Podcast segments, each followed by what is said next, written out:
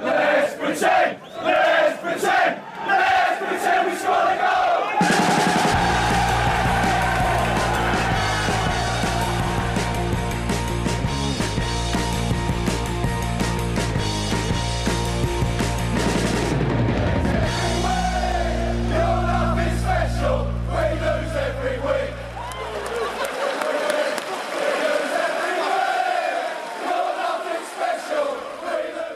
Sportbladet Sportbladets Premier League-podd är tillbaka och eh, det är ju inte långt kvar nu av den här Premier League-säsongen. Det är en omgång kvar, den spelas nu till helgen och sen så är det över med hela ligan. Då passar det ju att vi klämmer in ett avsnitt, ett andra avsnitt för den här veckan här då innan avgörandet. Med mig på telefonlänk som ju är det vanliga i dessa tider. Kalle Karlsson, hur är läget med dig? Jo då, det är under kontroll tycker jag. Det är eh, hektisk tid med mycket fotboll i olika världar men eh, i alla fall hunnit med och se en del Premier League den här veckan. Så, att, eh, så det är ju alltid trevligt. Eh, men eh, det, ja, det känns som att eh, Premier League är svårt att se allt just nu för de spelar varenda jäkla dag. Så det, det, man bara tittar i TV, TV-matchen-appen och bara ser att ja, fan, det är matcher idag igen. Och så tittar man nästa dag, det är fan det är matcher idag igen. Liksom dag ut och dag in känns det som att det spelas fotboll. Och det är ju så härligt. Men det är svårt att hålla koll på varenda match. Ja, och eh, ni, alltså Västerås spelar väl dag ut och dag in också samtidigt, så det är väl Ja, liksom den fotbollen måste hålla koll på också. Ja, precis. Det är mycket matcher i svensk fotboll som man också behöver eh, titta på och hålla sig uppdaterad på. Så att ja, det blir mycket fotboll just nu. Är Maximala antalet skärmar du behövt använda för en kväll. Nej, men jag kör inte så mycket maximalt antal skärmar nu. Jag landade ju det för några år sedan att nej, det är bättre att bara ha en skärm igång så man koncentrerar sig på det man tittar på verkligen. För annars blir man bara att man flackar mellan olika saker. Jag tittade sådär för massa år sedan men jag landade i att men då får man halvbra koll på flera matcher. Jag har hellre bättre koll på en match och titta lite mer noggrant på den än att hoppa emellan. Det ligger något väldigt, mycket, väldigt bra i det, det håller jag med om. För det är när man tittar på dubbelskärm så man tappar ju fokus på alltihopa på något sätt. Så det, det, det ska man ta med sig för alla er som gillar att jobba dubbelskärm och trippelskärm och allt vad det är. Eh, I alla fall på någon av skärmarna, den du hade då kanske du hade Liverpool-Chelsea på igår, möjligtvis. Eh, den så- såg jag. Eh, absolut, och det blev ju en sprakande tillställning kan man säga. Ja, mål hit och mål dit får man säga att det blev. Liverpool besegrar för Chelsea med 5-3. Och eh, vi kan väl börja med att konstatera att nu, de var ju redan klara mästare, men Liverpool får nu lyfta den här trofén och det var ju ändå ett ganska sprakande maffigt firande trots att det inte var någon publik på läktarna och så. Ja precis, de hade ju kostat på det rätt rejält där och det, det tycker jag var passande för att det har de ju verkligen gjort sig förtjänta av.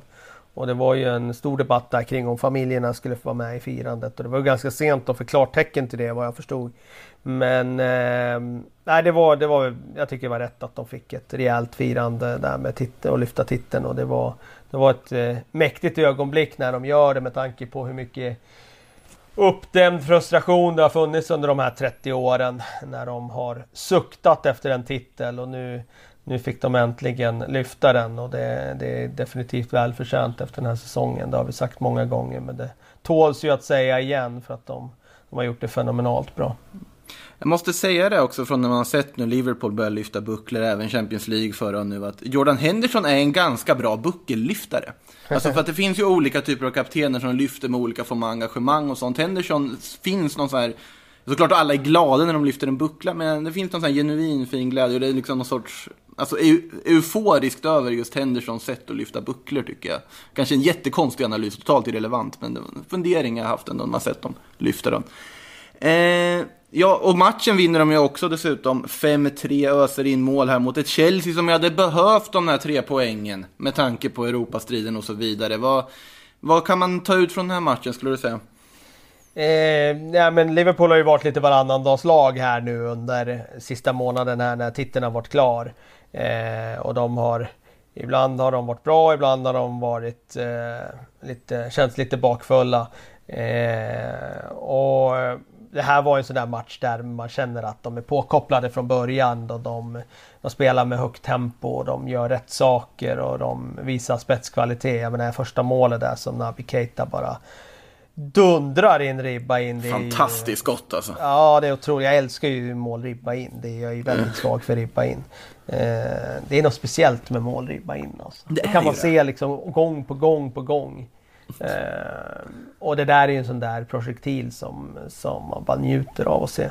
Eh, kul för Naby Keita också som haft det lite tungt får man ju säga. Men eh, mm. eh, han behöver ju det där målet. Och det ramar väl in också det faktumet att Jürgen Klopp är så otroligt skicklig på att få ut så mycket av sitt material. Ja, Naby Keita har inte motsvarat förväntningarna men han är samtidigt inte helt nere i källan heller. Trots att han inte har varit ordinarie under den här säsongen utan han kan blixtra till i en sån här match. Och, eh, se pigg ut och bara dundra upp ett skott, eh, ribba in och, och liksom se ut som den där spelaren som de köpte en gång i tiden. Så att, eh, det är så svårt att peka på det där. Det var en, det var, jag hamnade i en diskussion eh, kring någon som hade sett något debattprogram där de hade pratat om, de skulle utse den sämsta spelaren i topp 6-lagen.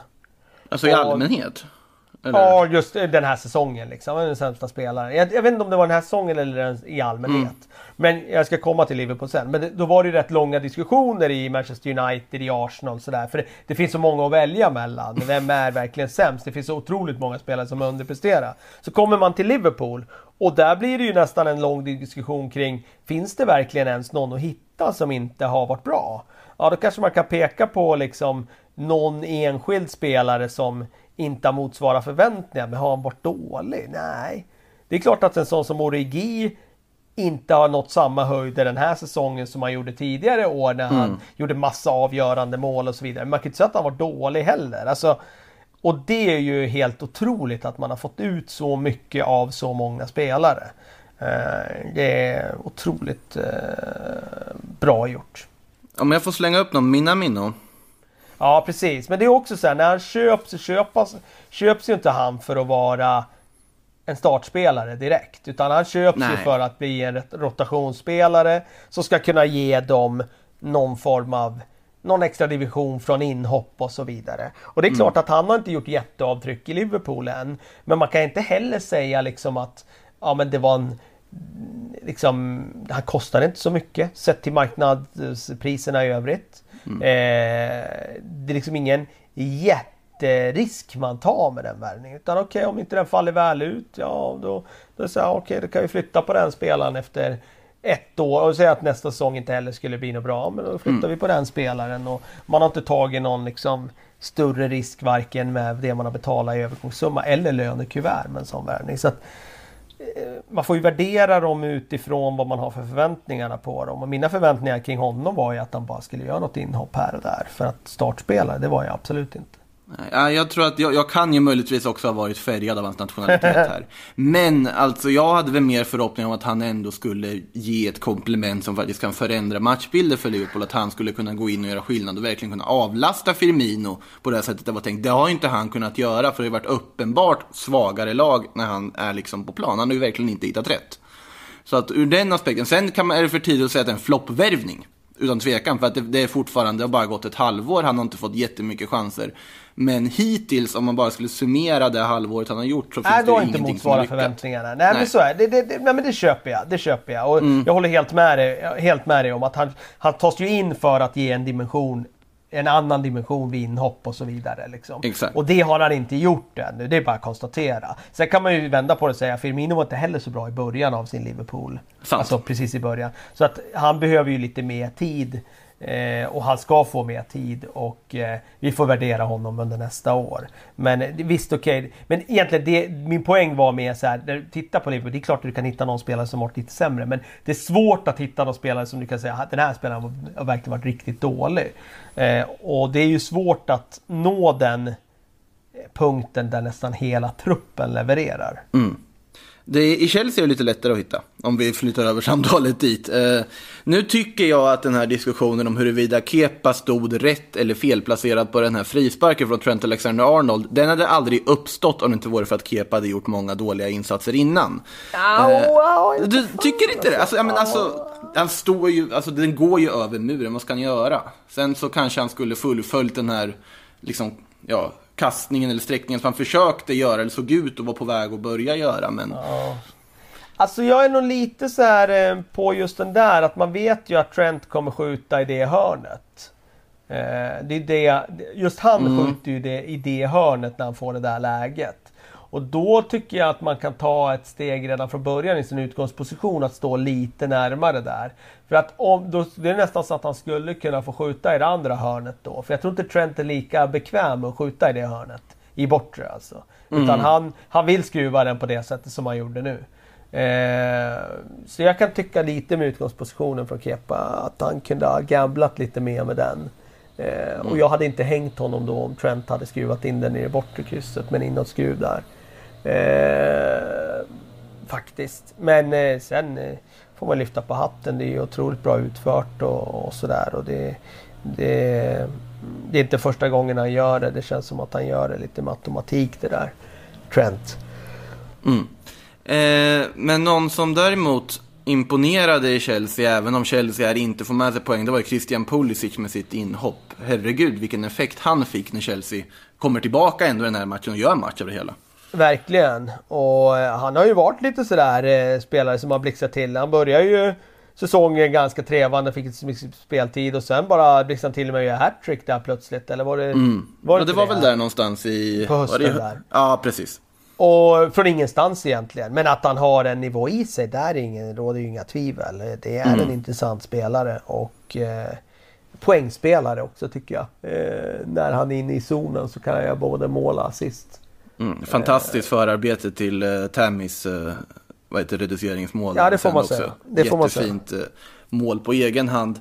Men ja, alltså, det man undrar med Pulisic då, om vi ska gå in på det, det är ju också att nu är ju Chelsea ute och de har värvat Hakim Ziyech, de ska plocka in Timo Werner, eller de har plockat in Timo Werner och det pratas om Kai Havertz. Alltså vart ska Pulisic få plats? Egentligen, alltså, för han känns ju ändå som om han är i den formen, då ska han starta. Ja. Så att det är ju ett väldigt intressant pussel de har att lägga där. Ja, ver- ja, ja alltså det är ett jättesvårt pussel att lägga. Mm. Jag vet inte riktigt hur de har tänkt att lägga det om jag ska vara ärlig. Nej, det... Eh, De har massa alternativ där framme och det, det kommer, alla kommer inte få plats att ingå i det där pusslet. Men det, vi får ju se lite längre fram. Det kan ju vara så att de har mer tankar kring det där. Att det är folk som ska försvinna också ur det där pusslet. Mm. Så kan det ju också vara. Eh, men om vi Titta då. Chelsea som sagt förlorar, men man har ju ändå på ett sätt här då tur, turen kan man väl säga att United inte heller nu för tiden ser så där supertaggade och vassa ut. Får bara 1-1 hemma mot West Ham, som i och med det säkrar sitt kontrakt ska tilläggas också. Eh, I alla fall 1-1 mot West Ham hemma, missräkning för United och upp, liksom Ja, det är ju stor dramatik i slutomgången nu med tanke på att de tappar poäng, alla de här lagen också, och ligger där i grupp med varandra. Verkligen. Manchester United har ju tyvärr för deras del strulat till det för sig själva här genom att släppa in ett mål i sista sekunden där mot Southampton. Och sen slänga bort poäng i den här matchen. Hade man inte gjort det så hade man ju redan säkrat den där Champions League-platsen i och med Leicesters förlust mot Tottenham. Men eh, med det sagt så United har ju sett riktigt tröttkörda ut de två senaste matcherna. Eh, FA Cup-semifinalen mot Chelsea där roterade ju Solskär bort deras chanser lite grann. Men de såg ju också, de som väl spelar såg ju tröttkörda ut. Och eh, nu såg de ju extremt trötta ut i andra halvlek. Det var ju som att de gick på tandköttet där. Och West Ham styrde ju spelet i stora delar av andra halvlek. United, ja, det, det var som att de trampade vatten och det var ju bara eh, ja, lite flax att inte West Ham eh, faktiskt under den perioden när de styrde spelet där gjorde till mål. Faktiskt. Eh, så att eh, Ja, det är ju farhågan för Solskärs del är ju om han har... För de, det är ju ganska tydligt att Manchester United har ju hittat en startelva som är... Ja men det här är startelvan nu. Och det är ju Matic på defensivt mittfält bakom Pogba, Bruno Fernandes och Ja. så har du med Greenwood, Martial, Rashford. Och tittar man på bänken sen så är det ju i nuläget så att alternativen är så mycket sämre än de som startar. Och det var så slående att i andra halvlek där när United hade det jättesvårt verkligen. Eh, då gjorde ju inte de några byten. Trots att de då har spelare på plan som ser helt utmattade ut. De, laget spelar inget bra. Mm. Så de får bara springa och jaga. Och när de får bollen så tappar de den typ. Och sen har de världens viktigaste matchen till helgen. Eh, och det spelade inte så stor roll heller med resultatet om de kryssade eller vann matchen med uddamålet. Det var ju samma effekt nu eftersom de möter Leicester i sista matchen. Mm. Att de kommer, de, de kommer behöva... Får de krysset nu mot West Ham så räcker det med kryss mot West Ham. Eller förlåt. Mot Får de krysset nu mot West Ham så räcker det med kryss i sista omgången mot Leicester. Så det var så konstigt att han inte gjorde några byten då tycker jag. Eh, I den matchen. För det hade ju också sparat lite kraft till nästa match. Eh, så. Men eh, det fanns säkert någon anledning till det. Jag tyckte att eh, ta Bruno Fernandes eh, har sett trött körd ut de senaste veckorna. Ja, Hans form har dippat betänkligt. Eh, jag tyckte framförallt på han att det syntes i matchen mot Chelsea där i FA-cupen. Eh, jag tycker att eh, Rashford såg jättetrött ut i andra halvlek. Jättetrött. Mm. Greenwood, Greenwood såg trött ut. Martial såg trött ut. Så att de kommer behöva hämta igen eh, energi nu till söndagen om de ska lösa det här. För eh, de behöver prestera betydligt bättre än vad de gjort nu de tre senaste matcherna.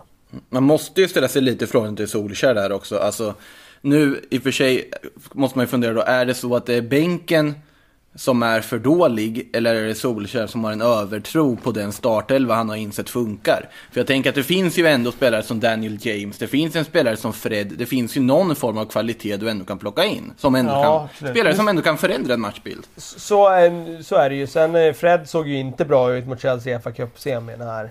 Danny James såg ju inte heller riktigt bra ut där. Danny James passade ju i början av säsongen när de spelade rent omställningsspel. Mm. Och bara fart och pressspel och sådär. Då är ju han bra. Men nu när de spelar en helt annan typ av fotboll. Nu tycker jag de spelar mer liksom någon slags bollhållande fotboll där de ska försöka trä upp motståndarna med kombinationer på sista mm. tredjedel. Och de gör det ju jävligt bra. Jag menar, det målet de gör mot West Ham är ju ren världsklass. Det är ju sånt som Barcelona gör när de är som bäst. Alltså, du ja, det är ju jättevackert mål där som uh, Green. Ja, de väggar sig igenom på jättesmå ytor och så hittar mm. de den där luckan, insticket och mål.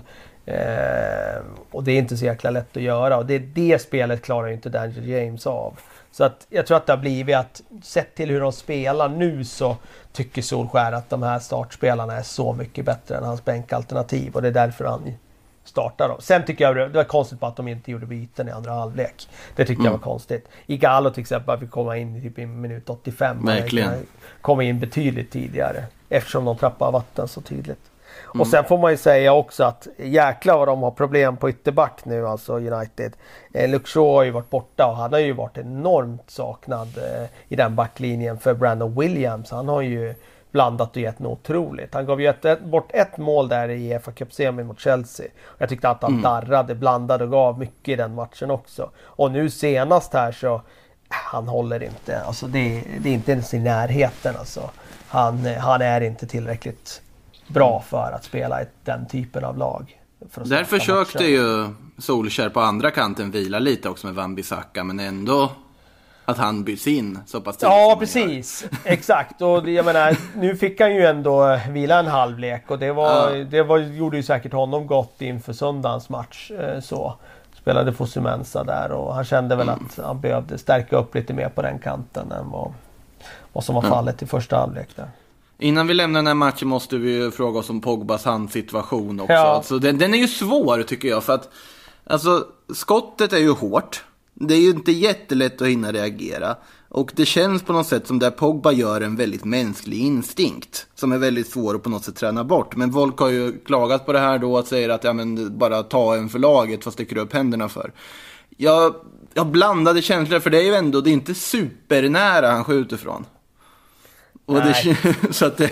Nej, jag, jag, jag, tror att det, jag tror att det är så här att han står ju liksom inte i, eh, i, eh, i, en position där skottet borde hamna. Så man ser liksom på honom att han är inte överhuvudtaget beredd mm. på, att, på att bollen kan hamna där. Så det är en ren instinkt från han att bara dra upp händerna där. Och ja. eh, det, det, är ju, I min värld är det ju straff alla dagar i veckan. Ja såklart det är straff, det, det är ju inget att snacka liksom om. Det går inte att diskutera utan eh, Det, och, och jag, jag, jag är inte sådär att jag tycker att det var helt liksom horribelt av honom att stoppa upp de där händerna. Utan Nej, men precis. Det, det, liksom, han är, det som man kan tycka att han gör fel, det är att måste, även om du inte står i den eh, position, liksom, att du står i position där du tror att skottet ska hamna, så ska du ändå vara på tå att den kan hamna här bollen. För är han mm. på tå och att bollen kan hamna där, då blir det inte lika instinktivt att dra upp händerna på det sättet som man gör. Utan då kan du kanske dra undan huvudet eller så stoppar du fram huvudet och nickar den istället. Ja. Eh, men det... Nu är han inte beredd på att skott ska komma där och därför drar han bara upp händerna liksom. Och det är bara en reflex och det, ja, det är inte så mycket att säga om. Det är bara att konstatera att det var olyckligt för honom att orsaka en straff där. Och det, man ser ju dum ut när man gör det men men eh, ah, det är inte så mycket att hänga honom för. Nej. Eh, innan vi eh, går vidare till matcherna som var innan där så måste man ju bara konstatera att eh, Michael Antonio sitter ju säkert och gråter hemma över att Ballon d'Or-galan är inställd i år. Gör mål igen här nu, han har ju varit en superkandidat för att ta hem hela priset med tanke på hans sommar. Eh, jag hoppas att ni förstår den, alltså vad ska man säga, sarkasmen med god mening i alla fall. Fantastisk eh, sommar Antonio har gjort. Ja, alltså han har ju kommit in i det där ketchup-stimmet. Och, ah, och, och, sen är det ju så, det är ju en eh, fantastisk personlighet, Michael Antonio. Ja. En helt otroligt eh, härlig kille som eh, liksom enkel kille som tycker det är kul att spela boll och som är sig själv i, i alla sammanhang. Och, och ja, det är sån spelare man verkligen unnar saker. Sen är han, han är rolig att se på tycker jag för att han är inte den mest estetiska spelaren utan han är, är verkligen en, ja. han är en rugbyspelare som eh, som när han har sin dag kan verkligen eh, sätta ett försvar i problem med sin styrka och sin oberäknelighet. Så det, ja, det är kul med den typen av spelare tycker jag.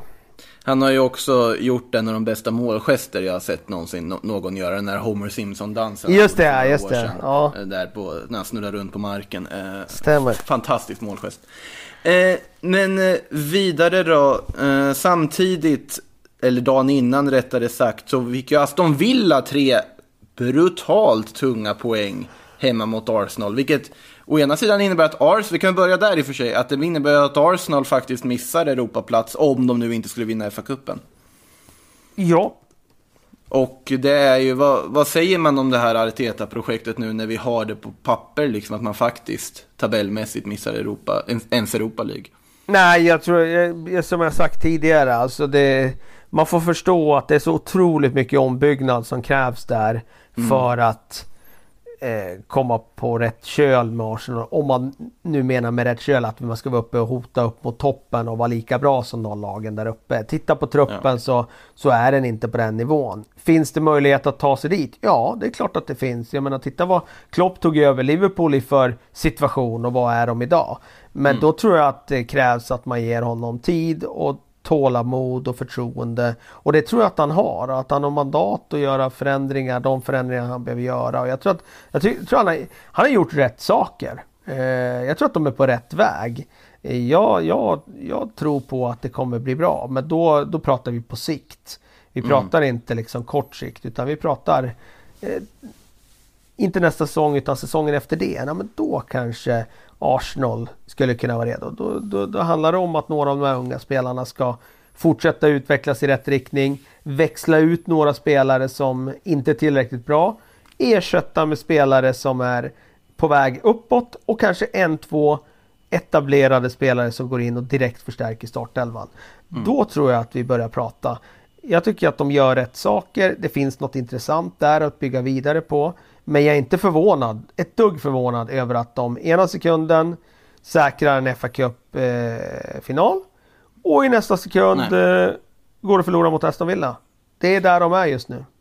Men när du säger alltså säsongen efter nästa, tänker du då att där, där uppe, pratar vi nu titelutmaning eller pratar vi snarare att ens kunna slåss om Champions League-platser? För där känns Nej, men säg, idag. säg om de ska vara uppe och slåss på topp tre så tror jag att det är inte nästa säsong utan säsongen efter det i bästa fall. I bästa fall ja.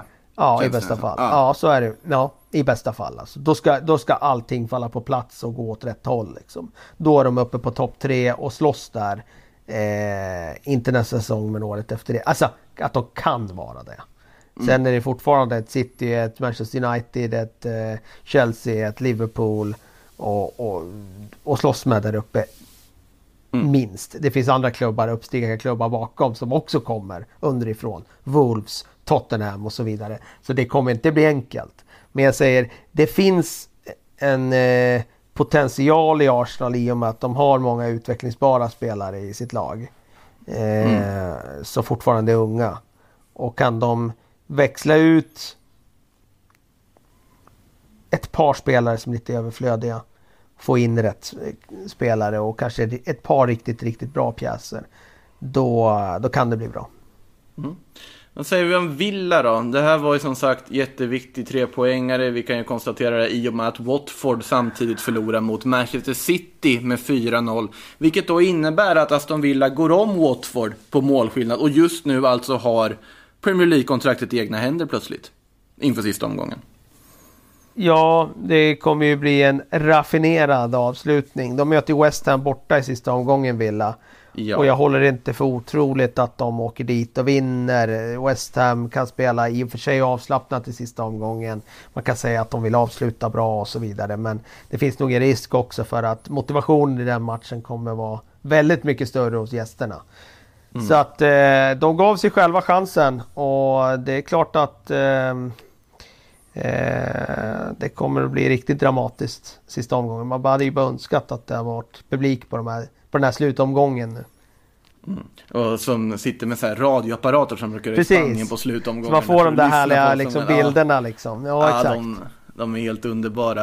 Eh, men Watford måste vi också ifrågasätta här nu. De har ju Arsenal i sista omgången här ja. nu. Ett Arsenal som alltså då missat Europa. Nu finns det ju dock någon sorts ära i form av tabellplaceringar att spela för, för tionde plats eller vad det, det håller inte, det funkar inte. De måste ju vinna för att få någon form av fin avslutning på säsongen. Men Watford måste ju vinna den här matchen, alternativt förlora den med mindre mål än vad Aston Villa förlorar sin.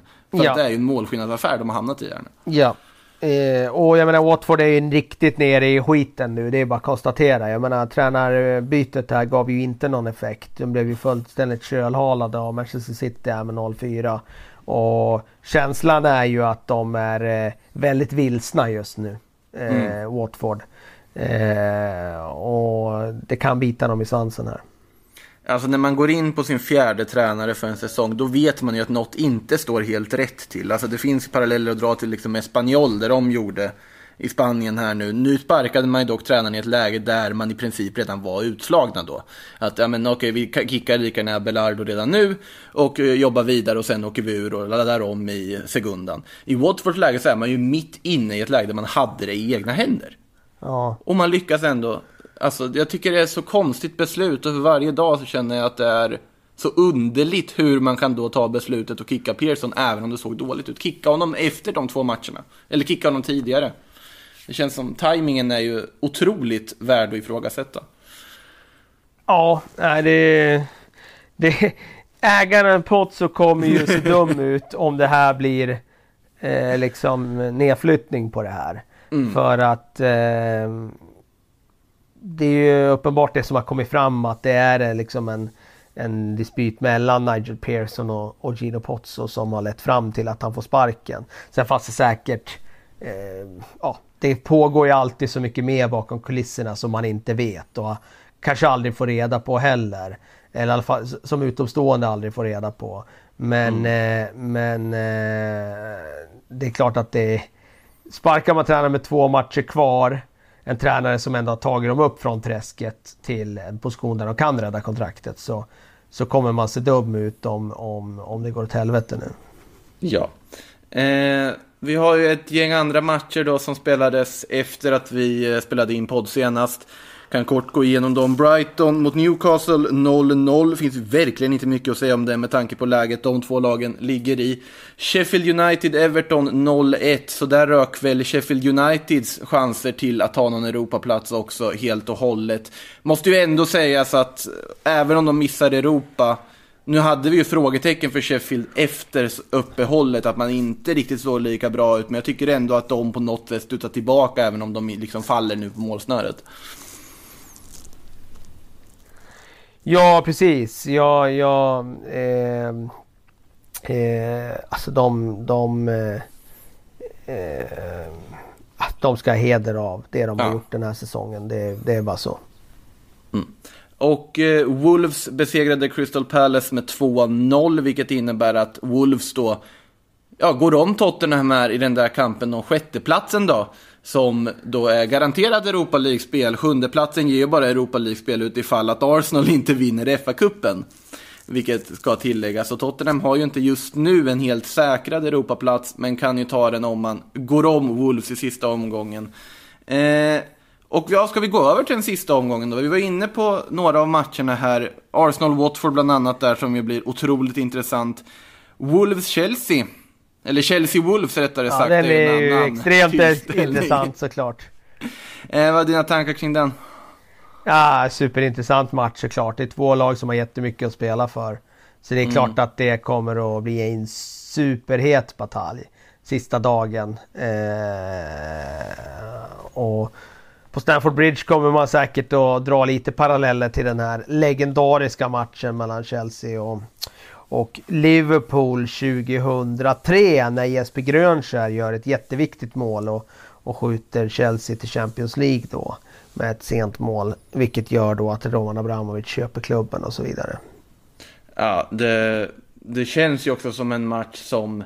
Jag vet inte, det var en, en av våra lyssnare här, David Raxén, som frågade varför vi var så säkra på att Wolves inte skulle vinna mot Chelsea. Det var ingenting som jag uppfattade att vi på något sätt förespråkade i förra avsnittet vi gjorde. Det var väl mer snarare att vi litade på att vissa andra resultat skulle gå en viss väg. Men och att United och Leicester dessutom möter varandra i sista omgången. Men som det ser ut just nu så kan det ju ändå... Alltså det är inte säkert att Chelsea slår Wolves. Nej. Känns det ju verkligen inte som i det här läget. Särskilt inte med tanke på hur Chelsea spelar. Vad tror du? Tror Helt man- öppet. Ja, men det är Helt öppet, ja. Det ja, det är Nej. Går inte att förutse vilket blir intressant. Leicester United då? Det var ja, inne lika på het batalj det såklart. Eh, det är otroligt mycket som ligger i potten där. Och det vi vet där är att något av lagen kommer jubla efter slutsignalen. Så mycket vet vi. Eh, United är inte i form. Leicester har mycket skador. Så det är två på något sätt eh, skadeskjutna lag på olika sätt. Och jag tror att båda kommer in i den här matchen med en känsla av att man inte är speciellt bra just nu. Så att det kommer bli en ångestmatch för båda lagen och så får vi se vem som har den där lilla turen. Antingen att man inte gör misstag eller en individuell prestation det som kommer att avgöra. Eh, och eh, ligger väldigt mycket i potten såklart. Mm. Du som inte kör dubbelskärm och princip, vilken match väljer du?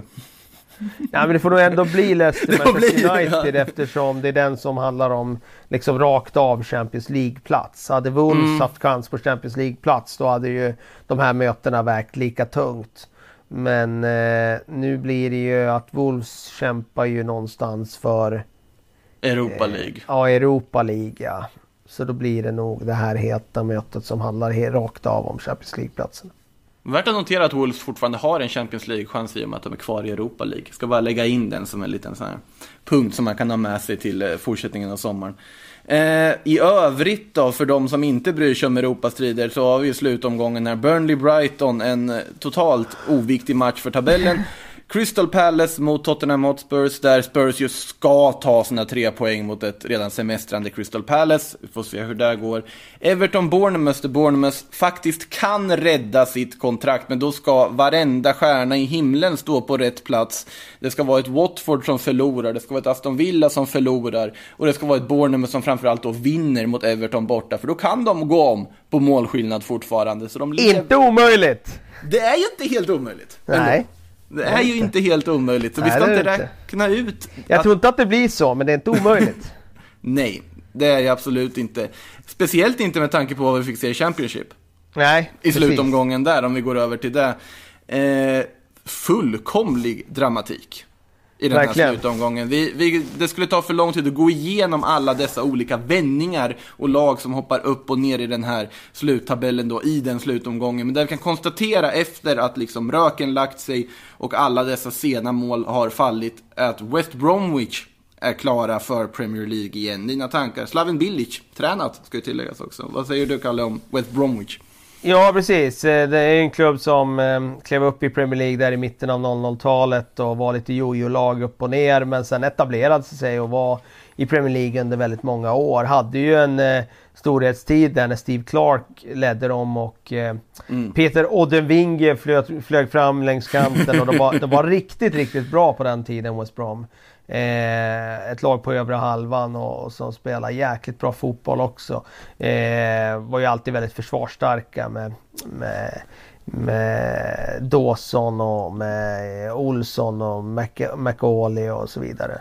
Oh. Eh, jag tycker att eh, det är väl inte den allra sexigaste klubben att få upp om du liksom tittar på eh, liksom Inte riktigt va?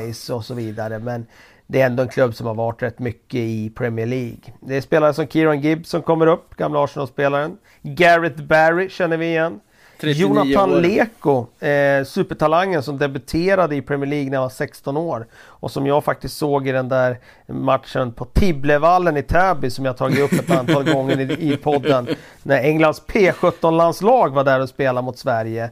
Och det var ju spelare som Haksabanovic på plan, det var spelare som eh, Jonathan Leko och Mason Mount på plan i den matchen. Oh. Och eh, eh, han har ju inte på något sätt slagit igenom utan tvärtom stagnerat ganska rejält. Inte fått något genombrott. Kul för kaptenen Chris Brunt som eh, får leda sitt West Bromwich tillbaka. Otroligt omtyckt spelare i klubben. Varit där sedan Hedenhös. Han kom dit 2007. Så spenderat 13-14 säsonger i West Brom. Får nu mm. leda West Bromwich tillbaka när hans kontrakt går ut så han kommer lämna nu. Han är, han är fri att gå vidare men han får avsluta då med att ta dem tillbaka till Premier League. Det tycker jag är en fin story. Vi var inne på Slaven Bilic. Det är ett kapitel för sig. Han fick jobbet förra sommaren. Eh, han ska såklart ta credit för att han har tagit klubben tillbaka till Premier League. Det går inte att säga mm. något annat. Sen kan man vara väldigt, väldigt fundersam till, eh, kring deras otroligt svaga sl eh, sluttamp i ligan.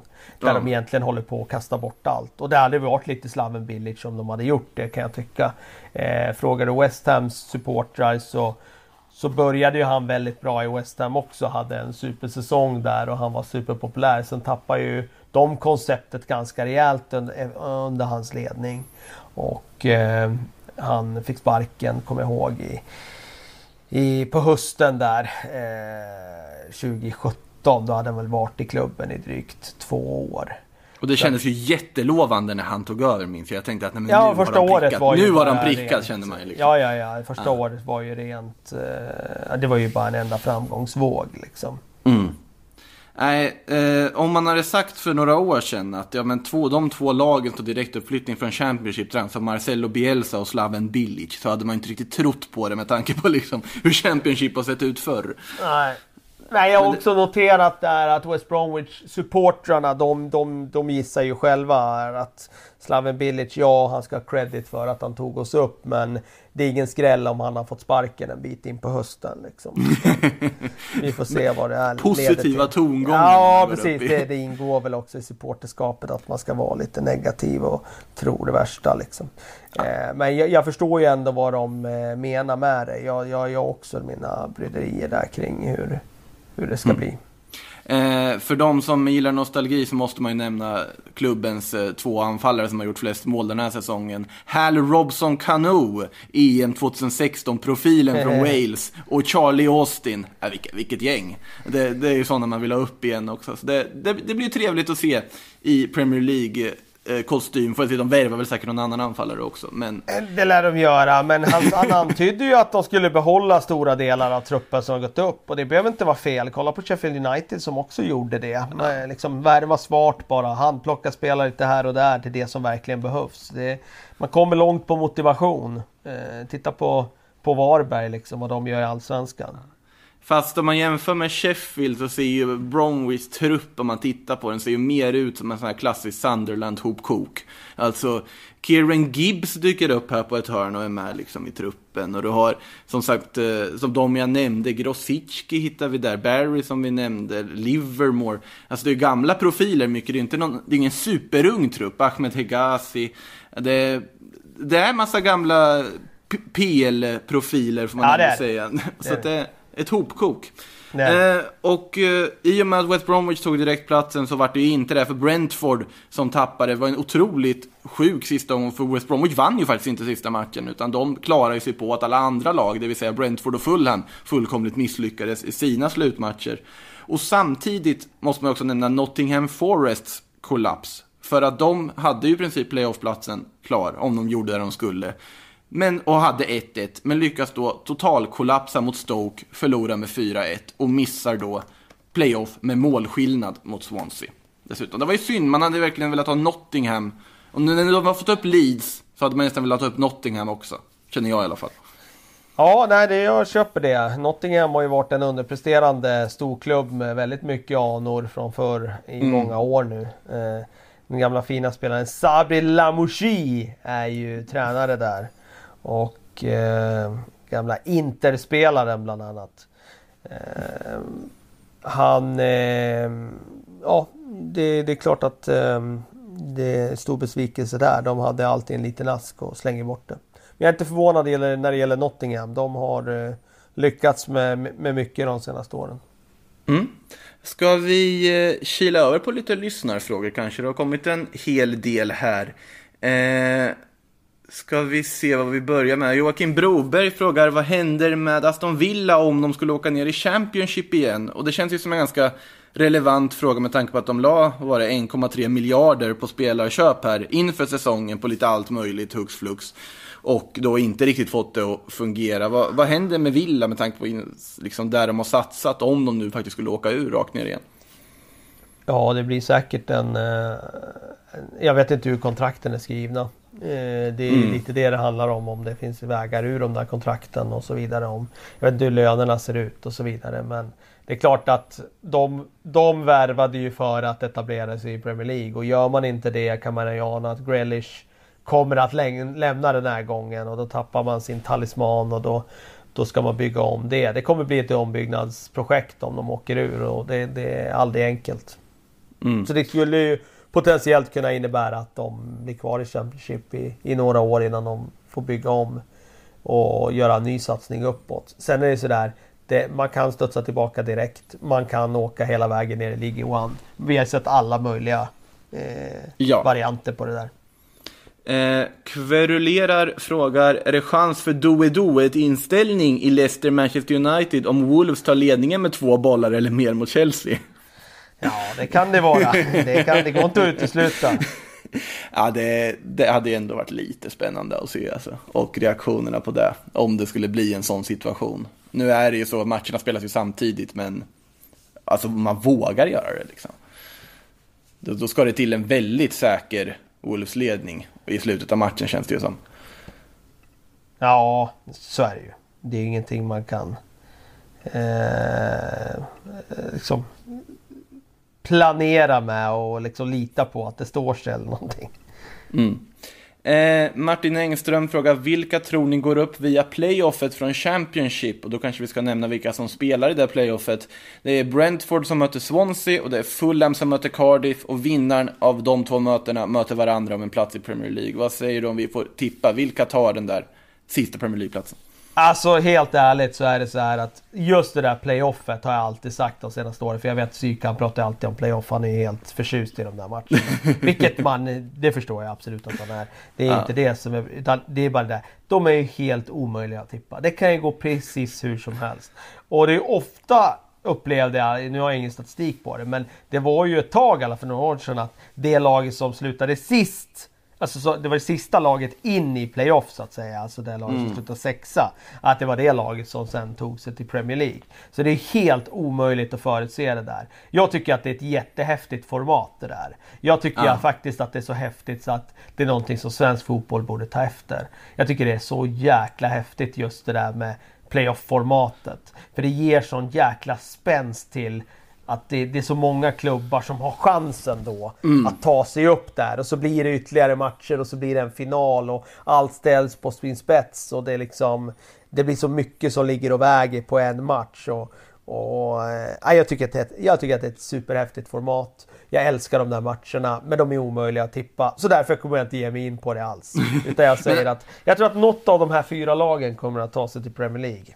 Ah, Det, det, det, det är mitt vågat. utgångstips. Ja, det är mitt utgångstips. Ja, men alltså Championship som liga är väl så omöjligt att tippa? Ja, man ska ja, lägga ja, stryktipsrader. ja, ja, Man, ja, man ja, sitter ja, och lägger de här enkeltecknen på de första Ja, matcherna. ja. Sen kommer man till typ ha- Hall mot Stoke och bara, ja, hopp. Nej, jag, Ja, bara, nej. jag bara går, det kan gå precis går hur som helst hela Det går tiden. inte. Eh, men eh, det här playoff-systemförslaget i Sverige, tänker du då att det skulle vara lite som gamla ishockeyns kvalserie då? Nej, jag tänker som det här. Nej, jag tänker som det här. Exakt Alltså, som tre- det här. Jag, Så du har jag- tre rakt ur från Allsvenskan? Eh, För, nu, så då måste du ju avskaffa kvalet, eller tänker du ska ja, playoff precis. till kvalet? Precis, precis. Eh, exakt. Eh, jag tycker att eh, det här är så, så pass häftigt så att man skulle kunna ha då istället att, eh, att det är tre rakt ur från Allsvenskan. Och sen den sista platsen det är eh, då en plats som lag 3 till 6 då. Som i det här fallet får slåss om. Ja, jag tycker ändå det finns något vackert med det där kvalet från, med laget från Allsvenskan som liksom hamnar på en kvalplatta och måste ångestdrabbat åka till någon så här kall, kallt Domnarvsvallen som Kalmar fick göra förra säsongen liksom och spela för sitt liv. Det finns någonting vackert Ja. i det, tycker Nej, jag. Jag köper det. Jag köper det. Alltså, det, man vill ju egentligen ha så många som möjligt av den här typen av matcher. För det är ju så mycket Ja. som, som står på spel. Men, eh, men det blir så jäkla häftigt med kvalet uppåt också tycker jag. Hade ju gett större chans för VSK att gå upp också, ska ju, ska ju tilläggas. hade varit- För, för alla lag i Superettan hade det ju varit mer att spela för. Men jag talar inte egen sak där utan det är ju någonting att jag och Psyk har varit eh, anhängare av det här playoff-formatet. Det är ingen, det är ingen överraskning för Premier League-podden-lyssnarna utan det har vi ju tjatat om i, i många, många år. När vi ändå kom in på VSK lite, Robin Karlsson frågar VSK eller Chelsea, vem har bäst försvar? Ja, det, det kan man ju fundera över. Nej, jag, jag, jag vill hävda att vi har bättre försvar. Ja, det, det känns ju nästan så också nu, så, sett till hur Chelsea har spelat här i alla fall. Eh, Valen frågar här, kommer ligans formstarkaste lag, Spurs, kunna vara med och hota om CL-platserna nästa säsong? Svaret är givetvis ja, men vill höra lite analys. Ja, alltså hota om CL-platserna ska de väl kunna göra som inte Mourinho lyckas få dem att implodera fullkomligt under sommaren, eller? Ja, definitivt. Känns det ju som. Ja, definitivt. Det är klart att de ska kunna hota om det. Eh, de behöver ju såklart lite omstart rent mentalt. Eh, för det här blev ingen bra säsong för dem. Och jag tror att de behöver lite omstart som klubb också med Mourinho-projektet. Men eh, det finns ju något där. Det är, liksom, det är inte så att, eh, att eh, de inte ska kunna hota om det. Alltså, det är klart att de kan göra det om de får till det. Men konkurrensen kommer vara hård, för den är hård just nu. Det är många klubbar som slåss om det och jag tror att Wolves kommer vara där nästa säsong också och de får behålla sitt, eh, sin eh, stomme och, och tränare och så vidare. Everton har ju ambitioner om att vara en sån klubb också. Ja. Utan tvekan. Så att det, det blir tight där också nästa säsong. Det var väl ungefär det vi hann med detta avsnitt. Vi planerar ju att spela in ett Sillypodden också, så då kommer vi att ta lite av lite Premier League även där också naturligtvis, för det ryktas ju mycket in och ut från de olika klubbarna. Men eh, då är det väl bara att ladda för eh, slutomgången. Får vi ju göra helt ja, det kommer enkelt. bli en raffinerad avslutning. Det är så mycket kan man i alla fall eh, slå fast. Och det kommer bli glädje och tårar och det kommer bli eh, vinnare och förlorare och sådana där ögonblick som kommer etsa sig fast hos alla oss som följer ligan. Och det eh, kommer bli... Eh, man, man har ju saknat lite av den där edgen eftersom ligatitelracet avgjordes så tidigt. Nu ställs allt på sin spets på söndag och det ska bli jäkligt häftigt faktiskt. Och sen får vi sätta slutpunkt för den här unika, märkliga säsongen. Precis. Och dessutom får ju Patrik Syk tillbaka från semester också nästa vecka. Ja, han kommer här lagom tills vi ska Bara- summera allt där nästa vecka i någon slags eh, summering med PLP Award som man brukar kalla det. Då är det gala, galamattan fram och eh, fracken på. Men på. det, Yes. precis, det tar vi då. Jättekul, sedvanligt att surra med dig Kalle. Vi ska surra mer, men det gör vi i en annan ljudfil. Ni som lyssnar på PL-podden här, ha det gott. Vi hörs. Hej då.